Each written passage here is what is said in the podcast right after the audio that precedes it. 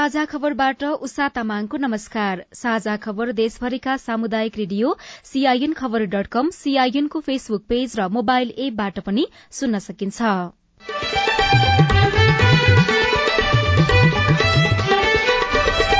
एउटा वित्तीय संस्थाबाट ऋण लिएकाले अब लघुवित्तबाट ऋण नपाउने। लघुवित्त पीड़ितको समस्या समाधान गर्न संसदमा सरकारको ध्यानकर्षण सरकार गम्भीर रहेको अर्थमन्त्री पौडेलको भनाई। प्रभावकारी समाधानका निम्ति सम्बन्धित टीकाहरू लागिसकेका छन् र यसका नतिजाहरू क्रमशः आउँदैछन्। आफू निकटलाई राष्ट्रपति बनाउन दलहरूको रस्साकसी लोसपा र नेकपा यस अन्य दललाई भेट्दै प्रधानमन्त्री र एमाले अध्यक्ष ओलीबीच छलफल कांग्रेसले आफ्नै उम्मेद्वार उठाउने। काङ्ग्रेसकै उम्मेद्वार हुन्छ र हामीले अरूको सहयोग खोजिरहेछौँ। विश्वास छ हामीले बहुमत प्राप्त गर्छौं। सात महिनामा व्यापार घाटा आठ खर्ब नाग्यो। खर्च विवरण नबुझाएका उम्मेद्वारको जरिवाना मिनाहा गर्ने निर्णय विरूद्ध रिट दायर गएको माघमा आगलागीमा परि दसजनाको मृत्यु र उन्नाइस वर्ष मुनिको विश्वकप क्रिकेटको छनौट खेल्ने नेपाली टोलीको विदाई।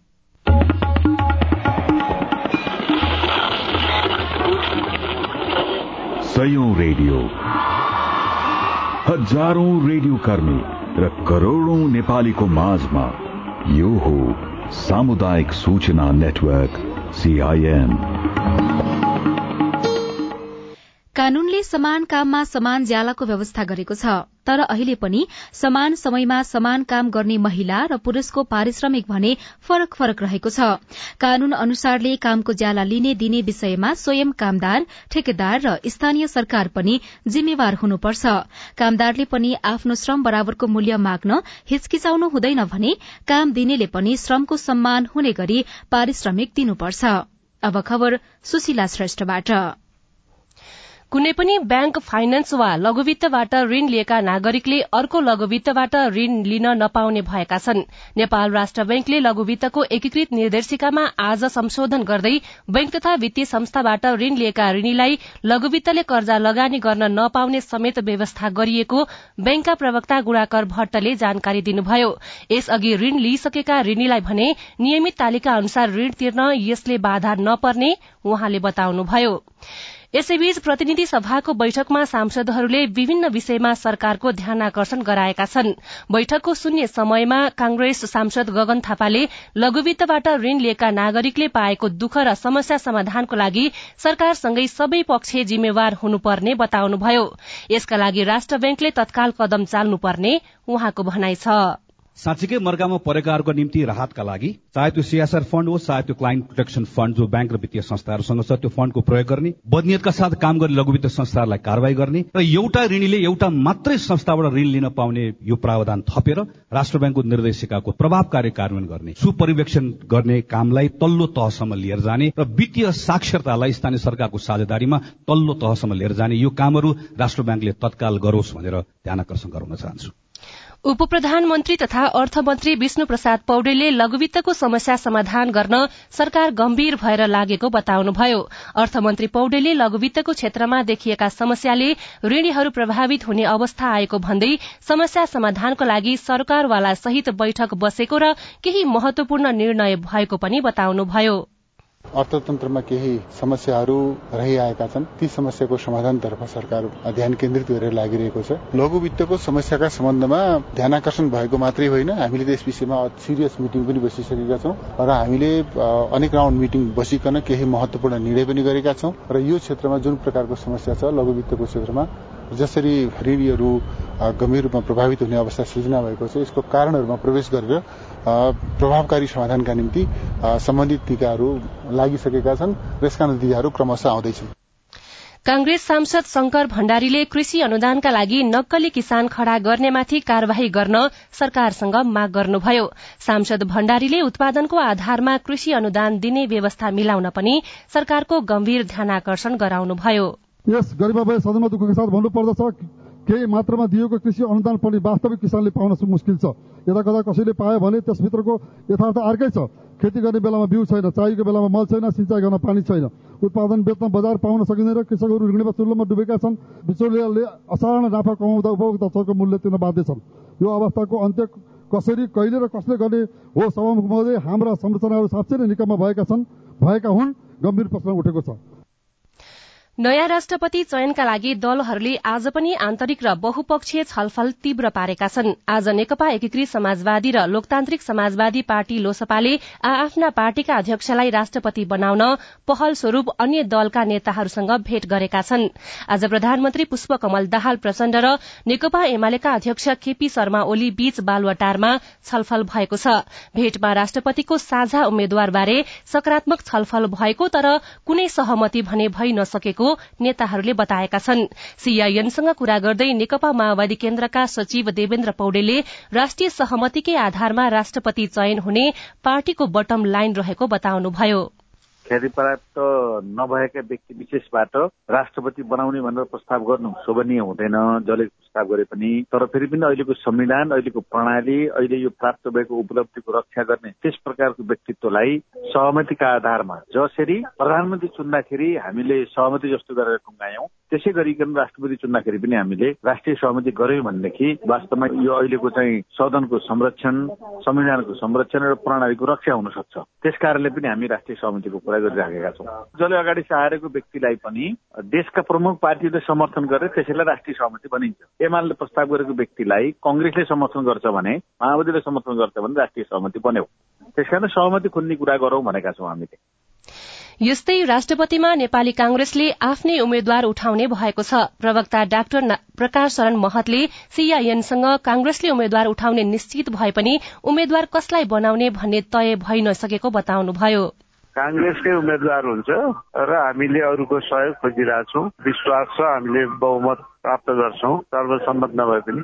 त्यस अन्तर्गत भइरहेका तयारीहरू चाहिँ के हुन् जस्तो एकीकृत समाजवादीको अध्यक्षज्यूले पनि तपाईँहरूसँग भेटघाट गरिरहनु भएको छ?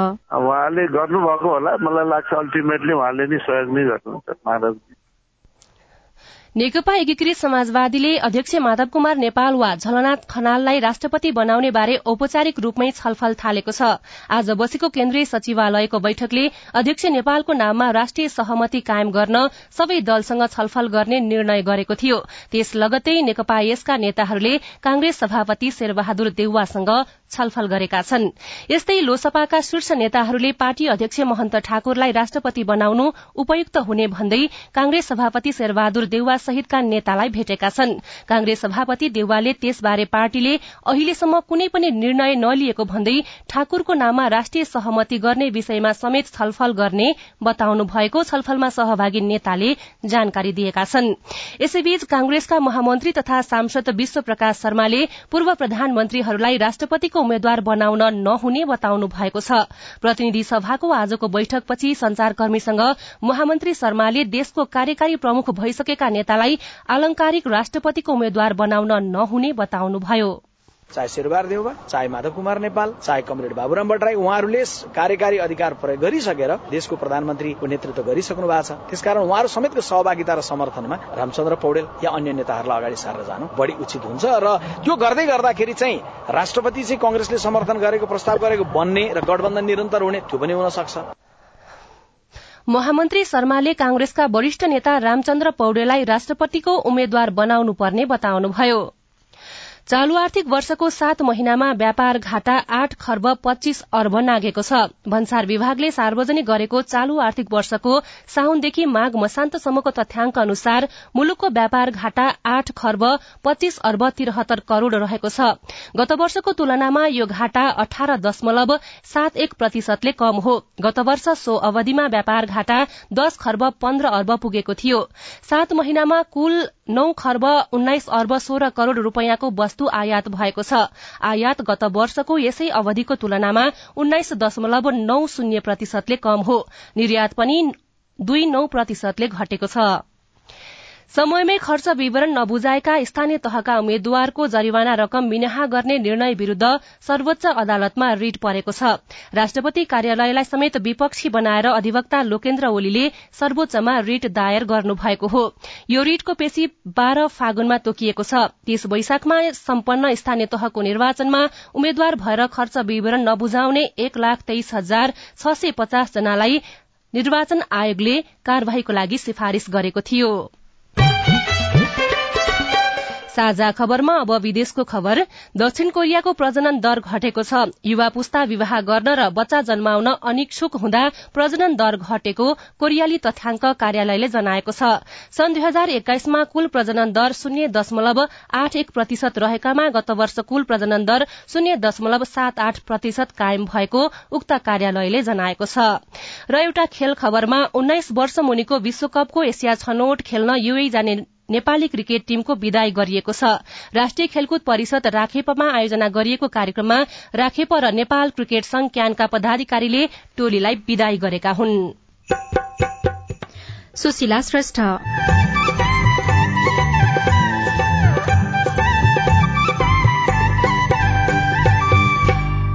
गेटा मेडिकल कलेजलाई विश्वविद्यालय बनाउने निर्णयसँगै स्थानीयमा खुशियाली विश्वविद्यालय भयो भनेपछि त यहाँ नजिकको कारणले गर्दाखेरि नि मान्छे बाँच्न सक्छन्। निर्णयसँगै सुदूरपश्चिम प्रदेशकै चिकित्सा शिक्षा गुणस्तरीय हुने आशा रिपोर्ट नेपालमा आमामा लगानीको विषय प्राथमिकतामा किन पर्न सकेन? लगायतका विशेष सामग्री बाँकी नै छन्। सीआईएनको साझा खबर सुन्दै गर्नुहोला। जलवायु परिवर्तनले मानव जीवन र प्राकृतिक प्रणालीमा विश्वव्यापी प्रभाव पारेको छ। आगामी दिनमा यो क्रम अझै बढ्दै जाने अनुमान गरिएको छ। तिम्रो किताबमा पनि जलवायु सम्बन्धी पाठ रहेछ नि होइन छ नि। आज म पारिस्थितिकीय प्रणालीमा आधारित अनुकूलन अर्थात इबिए भन्ने पाठ पढ्दैछु। के रहेछ यो इबिए भनेको? जोखिममा परेका समुदायलाई प्राकृतिक स्रोत र साधनको उपयोग गरी जलवायु परिवर्तनको जोखिम न्यूनीकरण र सामना गरी जिउने र विकसित हुन सहयोग पुर्याउने कामलाई इबिए भनिन्छ। जलवायु परिवर्तनको प्रतिकूल प्रभावको सामना गर्न समुदायहरूलाई सहयोग पुर्याउने यो एउटा नयाँ अवधारणा हो। ए अनि खेती किसानी गर्ने हामीलाई पनि यसले फाइदा गर्छ? गर्छ नि। सुक्खा ठाउँहरूमा कम चिस्यानमा हुर्कन सक्ने बाली नाली लगाउने अनि पहिरो जान सक्ने क्षेत्रमा पहिरो रोकथाम गर्न सक्ने र उपयोगी बिरुवा लगाउने। समुदायलाई फाइदा हुने गरी वन चरण पानीको मुहान जस्ता स्रोतको दिगो व्यवस्थापन गर्ने कामहरू इबी अन्तर्गत पर्छन् क्या। उसो भए त यो गजबको कुरा रहेछ त। हो त नि। धेरै गजबको कुरा हो। इबिए को योजना तयारी र कार्यान्वयन गर्दा स्थानीय जनताको सहभागिता आदिवासी जनजाति संरक्षण कर्मी प्राकृतिक स्रोत व्यवस्थापन अभियन्ता र निजी क्षेत्रका सरोकारवालाहरू बीच पनि समन्वय चाहिन्छ। जलवायु परिवर्तनले निम्ताएका चुनौतीको सामना गर्न जमिन जल र प्राकृतिक स्रोत व्यवस्थापनका सर्वोत्तम उपलब्धिहरूको कार्यान्वयन गरौं। पारिस्थितिकीय प्रणालीमा आधारित अनुकूलन आयोजना जलवायु परिवर्तन तथा व्यवस्थापन महाशाखा वन तथा वातावरण मन्त्रालय र सिआइएन सिआइएनको साझा खबर अब नेपाली पात्रोमा पनि। स्थानीय राष्ट्रिय तथा अन्तर्राष्ट्रिय समाचार नेपाली एफएम तथा अनलाइन रेडियोहरू एकै ठाउँमा सुन्न तिथि मिथि तथा पञ्चाङ्ग सम्बन्धी सबै जानकारी लिन। अन्तर्राष्ट्रिय मुद्राको नेपाली विनिमय दर सुन चाँदीको दर भाव मौसम सम्बन्धी सूचना र सार्वजनिक विधा बारेको जानकारी लिन पनि। नेपाली पात्रो अब तपाईँको मोबाइलमा। सामाजिक रूपान्तरणका लागि यो हो सामुदायिक सूचना नेटवर्क सीआईएन तपाई सामुदायिक सूचना नेटवर्क सीआईएनले तयार पारेको साझा खबर सुन्दै हुनुहुन्छ। गएको माघ महिनामा हवाई दुर्घटना आगलागी जनावर आतंक भूकम्प डलेरो लगायत विपदका घटनामा परि त्रियासी जनाको मृत्यु भएको छ। राष्ट्रिय आपतकालीन कार्य संचालन केन्द्रका अनुसार माघमा भएका विपदका तीन सय उनासयवटा घटनामा त्रियासी जनाको मृत्यु भएको एकजना बेपत्ता भएको र छप्पन्न जना घाइते भएका छन्। यो एक महिनामा पाँच सय चौसठी परिवार प्रभावित भएकामा उनासाठी घरमा आंशिक र एक सय आठवटा घरमा पूर्ण क्षति पुगेको छ। यस्तै अस्सीवटा गोठका तीन सय पञ्चानब्बे पशु चौपायामा क्षति पुगेको केन्द्रले जनाएको भएको छ। यो महिनामा विपदका घटनाबाट उन्नाइस करोड़ दस लाख बाइस हजार सात सय रूपियाँ भन्दा बढ़ीको क्षति भएको छ भने आगलागीमा परि दस जनाको मृत्यु भएको छ। सरकारले कैलालीको गेटा मेडिकल कलेजलाई शहीद दशरथचन्द राष्ट्रिय स्वास्थ्य विज्ञान विश्वविद्यालयका रूपमा सञ्चालन गर्ने निर्णय गरेको छ। अब अलमल नगरी यो विश्वविद्यालय सञ्चालनको बाँकी प्रक्रिया सकेसम्म छिटो अघि बढ़ाउनुपर्ने स्थानीय बासिन्दाको माग छ। संरचना निर्माण भइसक्दा पनि सञ्चालनको ढाँचा नभन्दा अन्यलमा रहेको गेटा मेडिकल कलेजलाई अब विश्वविद्यालयका रूपमा सञ्चालन गरिने भएपछि यहाँका बासिन्दा खुशी भएका छन्। धनगढ़ीका वसुन्धरा गौतम। सुदूरपश्चिमका मान्छेहरू दुख बिरामी भयो भनेपछि टाढा टाढा लैजाने भनौँ न पैसा पनि मान्छेसँग हुँदैन।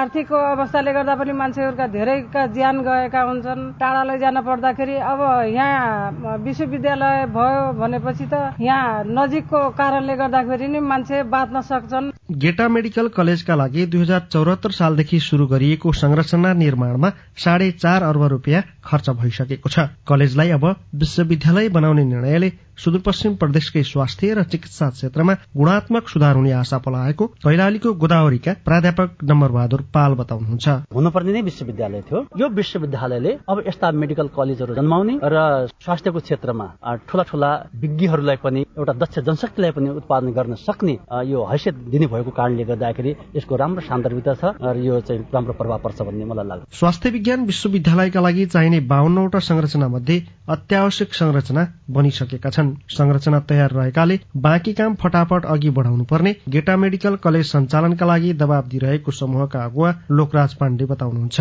सरकारलाई धन्यवाद दिन चाहन्छु। ढिलो गरे पनि सत्र लाख सुदूरपश्चिमी जनतालाई न्याय गरेको छ। अब चाहिँ सरकारले यसको ऐन ल्याएर विधेयक ल्याएर चाँडोभन्दा चाँडो यसलाई सञ्चालनमा ल्याउन लागि आग्रह गर्छौ। मुख्य संरचना बनिसके पनि बिजुली पानी लगायत केही संरचना र विश्वविद्यालय सञ्चालन ऐन तयार पार्न बाँकी रहेकाले विश्वविद्यालय सञ्चालन गर्न अझै केही समय लाग्ने देखिएको छ। गेटा मेडिकल कलेज पूर्वाधार विकास समितिका कार्यकारी निर्देशक हेमराज पुजारा। अलिकति समय लाग्न सक्छ। ऐन तर्जुमा गरेर विधिवत ढंगले जुन प्रक्रिया हुन्छ ऐनको चाहिँ क्याबिनेट हुँदै संसदसम्म पुर्याउनु पर्ने अवस्था छ त्यो त्यो हुन्छ। त्यसपछि संसदले पारित गरेपछि मात्रै कानूनको रूपमा अगाडि आउने हुन्छ। गेटा मेडिकल कलेजलाई स्वास्थ्य विज्ञान विश्वविद्यालय बनाउने निर्णय भए पनि बाँकी प्रक्रियामा ढिलाइ हुन सक्ने संशय पनि उत्तिकै छ। विश्वविद्यालय बनाउने निर्णयको कार्यान्वयन पनि फटाफट होस् भन्ने सुदूरपश्चिमका नागरिकको चाहना छ। अंकुश कुँवर सीआईएन रेडियो सुदूर सन्देश धनगढ़ी। साझा खबरमा अब हेलो सीआईएन सुनिल राज भारतबाट। काभ्रेजुङ जिल्ला मिकखला गाउँपालिकाबाट बाहिर जानको लागि त्यसमा चाहिँ अब मैले चाहिँ जोन्सन फर्स्ट र जोन्सन दोस्रो मैले दुई खोप चाहिँ लाएँ होइन? मेन पावरबाट चाहिँ के रिप्लाई आयो भने तिम्रो त्यो जोन्सनको खोपको कार्डले काम गर्दैन नयाँ क्युआर कोड निकाल्नुपर्छ यो पुरा खोप लागेको छैन अब भन्यो होइन? क्युआर कोड निकाल्दा पनि तिन हजार चार हजारसम्म लिने गरिरहेको छ पाराले अब अलिकति बुझ्नु पाए चाहिँ हुन्थ्यो कि। यस बारेमा जानकारी दिँदै हुनुहुन्छ स्वास्थ्य तथा जनसंख्या मन्त्रालयका सहप्रवक्ता समीर कुमार अधिकारी। क्युआर कोड सहितको सर्टिफिकेट प्राप्त गर्नलाई कुनै पनि शुल्क लाग्दैन। कहीँ कसैलाई तिर्नु पर्दैन। खोप मान्यताको सन्दर्भमा अब जेन्सनको खोप पनि खोप मान्यता प्राप्त खोप हो। त्यसको हकमा त्यो खोप दुई मात्रा भन्दा पनि एक मात्रामै पूर्ण मात्रा हुने खोप हो। तपाईँले तिनवटा मात्रा लगाएको छु भन्नुभयो। अब बुस्टर मात्राको रूपमा पनि त्यो पछिल्लो मात्रा रहने भएपछि तपाईँ दुईवटा लगाएको सहित अनलाइन फारम भर्न सक्नुहुन्छ। त्यसको मान्यता नहुने भन्ने छैन। त्यसको कुनै विशेष देश विशेष गरेर त्यसरी लिखित रूपमा आएको कागजात छ भने त्यो कागजात सहित आफ्नो स्थानीय तहमा अथवा काठमाडौँ हुनुहुन्छ भने स्वास्थ्य विभागमा एकचोटि सम्पर्क गरेर पनि त्यस बारेमा थप बुझ्न सक्नुहुन्छ। नमस्कार गल्सी गाउँपालिका वडा नम्बर पाँचबाट म विष्णु प्रसाद अधिकारी। मैले वैदेशिक रोजगारीमा जानको लागि बुढा नीलकण्ठ आठ मण्डी कटार बस्ने हरिबहादुर थापा मगरलाई रुचा लाख पचास हजार पैसा दिएको थिएँ। पठाउन नसकेपछि मैले पैसा फिर्ता मागेँ तर उक्त व्यक्तिले कृषि विकास ब्याङ्कको चेक दियो। चेक साटिएन। र मैले ब्याङ्किङ कसुरको मुद्दा हाले। उक्त व्यक्तिले मलाई पटक पटक मारेर धम्की दियो र मैले प्रहरीकृत महाराजगञ्जमा यस विषयमा जानकारी गराउँदा चुप लाएर बस केही हुन्न भन्नुहुन्थ्यो। फेरि पनि उक्त व्यक्तिले त्यस्तै मारेर धम्की दिएको छ। मैले यस विषयमा अब कहाँ जानकारी गराउँदाखेरि ठिक हुन्छ? तपाईँको समस्या हामीले नेपाल प्रहरीका केन्द्रीय प्रवक्ता प्रहरी नायब महानिरीक्षक पोषराज पोखरेललाई सुनाएका छौं। यस सम्बन्धमा त अब यो जुन यहाँहरूको मुद्दा चलिसकेको अवस्था गर्नुभयो जानकारी गराउनु भयो धम्कीको अवस्थामा चाहिँ महाराज प्रहरी वृत्तलाई चाहिँ जानकारी गराउँदा पनि भएन भने लिखित जानकारी गरेको यहाँले पाइएन। यदि त्यस्तो लिखित जानकारी गरेर चाहिँ जाहेरी दर्ता गरेर चाहिँ कारवाहीतिर जानु हो भने यदि नेपाल प्रहरीले हेर्ने मुद्दा हो भने गाली बेजिती बाहेक अरू हो भने हामीले त्यहाँ मुद्दा दर्ता गरेर निजलाई फेरि पक्राउ गरेर कारवाही गर्ने अवस्था हुन्छ। लिखित रूपमा जाहेर दिनुपर्छ त्यो धम्कियाको हकमा चाहिँ। अनि सुनचाँदे व्यवसायीले सुनको आयातमा लगाइएको कोटा प्रणाली हटाउन माग गरेको समाचार साझा खबरमा सुनेपछि अरविन्द यादव टिप्पणी गर्नुहुन्छ कोटा किन हटाउनु पर्यो र बरु आयात बन्द गरे देशको सञ्चित रकमलाई टेवा पुग्थ्यो यस्ता किसिमका अन्य वस्तुहरू पनि आयात बन्द गर्नुपर्छ तपाईँ जुनसुकै बेला हाम्रो टेलिफोन नम्बर शून्य एक बाहन्न साठी छ चार छमा फोन गरेर आफ्नो विचार प्रश्न गुनासो तथा प्रतिक्रिया रेकर्ड गर्न सक्नुहुनेछ। तपाई सामुदायिक सूचना नेटवर्क सीआईएनले काठमाण्डुमा तयार पारेको साझा खबर सुनिरहनु भएको छ। आमामा लगानी बढ़ाउन किन आवश्यक छ? हाम्रो विकास डोजर चलाएर मात्रै हुँदैन हाम्रो विकास भनेको मानवीय विकास हो। आमामा लगानी बढ़ाउँदा हुने फाइदा र यसको महत्वबारे विज्ञसँगको विशेष कुराकानी बाँकी नै छ। सीआईएनको साझा खबर सुन्दै गर्नुहोला। बाल विवाह विरूद्ध धर्मगुरूहरूको प्रतिबद्धता। वैदिक साहित्यमा बाल विवाह छैन। बाल विवाह हाम्रो मण्डली अन्तर्गत भएको छैन। हाम्रोमा बाल विवाह हुँदैन। यो मुद्दुमले भनेको कुरा हो र हाम्रो व्यवहारमा त्यस्तो नै छ। राधामिस गीता बाइबल कुरान वेद लगायतका सबै धर्मका ग्रन्थहरूले बाल विवाह गर्नुहुन्न भनेको भनेर धर्मगुरूले रेडियोबाट भनेको सधैँ सुन्ने गरिन्छ। तर किन बाल विवाह अन्त्य नभएको होला? हाम्रो नगरलाई बाल विवाह मुक्त गराउन अब के गर्ने होला? त्यो त हो नगर प्रमुखज्यू भनेर मात्रै पुग्दैन। सबै धर्मका धर्मगुरूहरूले म बाल विवाह गराउने काममा संलग्न हुन्न भनेर प्रतिबद्धता जनाउने र अरूलाई पनि त्यस्तै सिकाउने कार्य गर्न सके मात्रै त्यो कार्य प्रभावकारी हुन्छ। अनि बाल विवाह विरूद्ध काम गर्ने संघ संस्थाहरू र तपाईँहरू जस्ता स्थानीय सरकारले पनि धर्मगुरू र धार्मिक अगुवाहरूलाई यो अभियानमा सँगसँगै सहभागी गराएर अघि बढ़ाउन सके। बाल विवाह लगायतका हानिकारक परम्परागत अभ्यास अन्त्य गर्न सकिन्छ।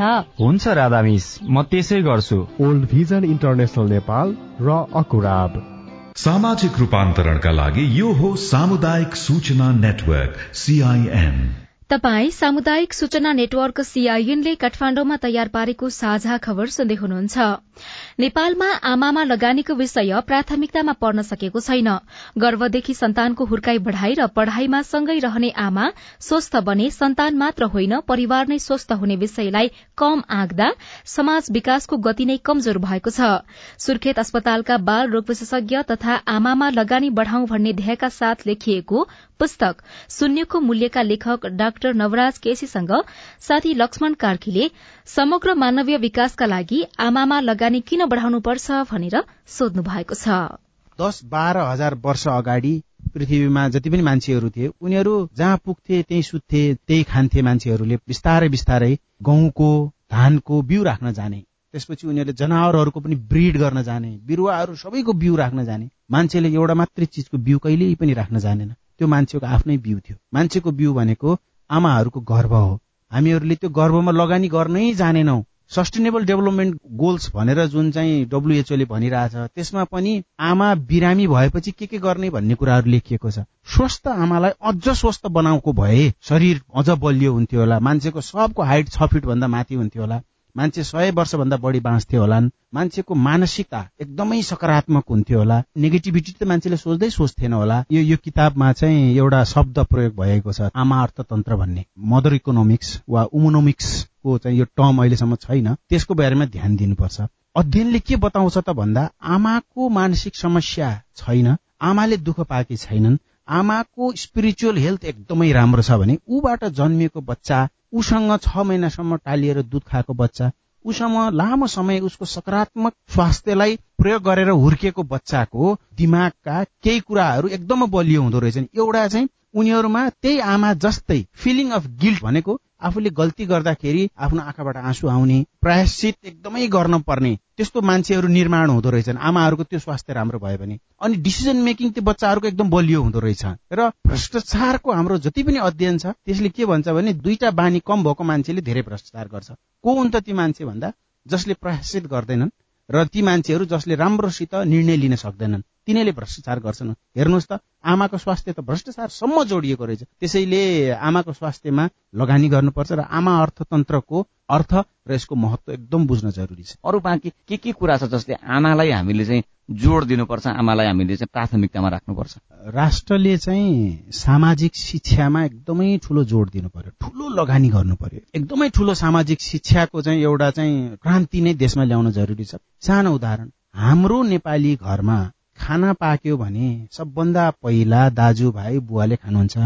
त्यसपछि छोरीहरूले र अन्तिममा आमाले खाने हो। यो एउटा प्याटर्न छ। सँगसँगै बसेर नखाने। यदि हामीले सामाजिक शिक्षालाई एकदम बलियो बनाएर सुरुमा छोरीहरूले खाने त्यसपछि छोराहरूले र बुवाले खाने बनायौँ भने यसले कत्रो फरक पार्छ भने मैले उदाहरण दिएको। हाम्रो शरीरमा फोलिक एसिडको लेभल स्त्रीहरूमा आमाहरूमा फोलिक एसिडको लेभल धेरै भयो भने त्यसबाट जन्मिने बच्चा बच्चीहरूमा रक्त अल्पता र उनीहरूको ब्रेन डेभलपमेन्टमा आकाश पातालको फरक हुन्छ। त्यो फोलिक एसिड केमा पाइन्छ त भन्दा तरकारीमा पाइन्छ। एउटा घरमा अन्तिममा खाना खाने मान्छेले नपाउने भनेको त्यही तरकारी हो। अनि अध्ययन गर्यो हेऱ्यो आमाहरूको रगतमा फोलिक एसिडको लेभल कम छ आमाहरूको रक्त अल्पता छ रगतको। अब यसले फेरि कहाँनिर असर गरिरहेको छ त भन्दा हाम्रो दिमाग हाम्रो आइक्यू लेभल कम छ। घरको एउटा सामाजिक वातावरण हामीले यसरी त्यहाँबाट प्रयोग गर्यौँ भने अब आउने जेनेरेसन नेपालीहरू एकदम इन्टेलिजेन्ट एकदमै व्यावहारिक हामीले चाहिँ बनाउन सक्छौँ। त्यसैले यो एकदम गहिरो कुरा छ। विशेष गरेर हामीले सामाजिक प्रत्येक घर परिवारबाटै कसरी परिवर्तन गर्ने भन्ने सरकारले नै यसमा ठुलो लगानी गर्नु पर्यो नेपालकै अवस्था पनि बालबालिकाको र आमाको अवस्था समग्रमा राम्रो छैन। के कुरालाई चाहिँ जोड गरिहाल्नु पर्ला? हाम्रो समाज चाहिँ एउटा पिरामिड जस्तो हुन्छ। पिरामिडको सबभन्दा तल्लो भागको सबभन्दा धेरै विकसित विकास गरिनुपर्छ जस्तो हेल्थ पोस्टको धेरै विकास गरिनुपर्छ भन्ने कुराहरू छ। त्यसो भए हुनाले अब हामीले एउटा प्रोटोकल बनाउनु पर्यो। प्रत्येक ओडाको गाउँपालिकाको चेकलिस्ट बनाउनु पर्यो। उनीहरूमा अहिलेको मानवीय विकास कुन लेभलमा छ र त्यो मानवीय विकासलाई प्रत्येक कम्पोनेन्टमा कसरी डेभलप गर्ने भन्ने कुरा छुट्टै छुट्टै छुट्टै कार्यक्रम बनाउनु पर्यो। र जति पनि हाम्रो अहिले लिड गर्ने सेन्ट्रल लिडरहरू हुनुहुन्छ उहाँहरूले एउटा राष्ट्रिय सहमति राष्ट्रिय सहमति भन्नुहुन्छ सरकार चलाउनको लागि मात्रै होइन। विकासको राष्ट्रिय सहमति बनाएर हाम्रो विकास डोजर चलाएर मात्रै हुँदैन। हाम्रो विकास भनेको मानवीय विकास हो। हामीले नेपालीहरूको मानवीय विकास गर्नुपर्छ भनेर चाहिँ उहाँहरूले एउटा राष्ट्रिय सहमति गरेर अनि त्यहाँबाट कार्यक्रमहरू लन्च गर्न पाएको भए हुन्थ्यो सैद्धान्तिक रूपले भन्ने चाहिँ मलाई लाग्छ। मानवीय विकास भन्ने बित्तिकै हामीहरू चाहिँ एउटा स्टेप अगाडि बढिहाल्छौँ। त्यसपछि बनाउने साना साना कार्यक्रमहरू त कोटहरू छन्। हामीले नजानेको अरू एक्सपोर्टहरूसम्म हजुरहरू हुनुहुन्छ आँखा खोलिदिने। यो एउटा डिपार्टमेन्ट भइहाल्छ सर त्यसपछि त कार्यक्रम राम्रै भइहाल्थ्यो। यस्तो कुराहरू त घरबाटै पनि व्यक्तिले पनि त गर्न सक्ने भयो। व्यक्तिले गर्न सक्छौँ तर यही म्यासेजलाई घर घरसम्म पुर्याउने जिम्मा त फेरि सरकारकै हो। त्यसैले अब मानवीय विकास गर्ने भनिसकेपछि अब इन्फर्मेसन यसलाई गर्नु पर्यो। त्यसैले अब रेडियो कार्यक्रमहरू यसमा प्रशस्त ल्याउनु पर्यो।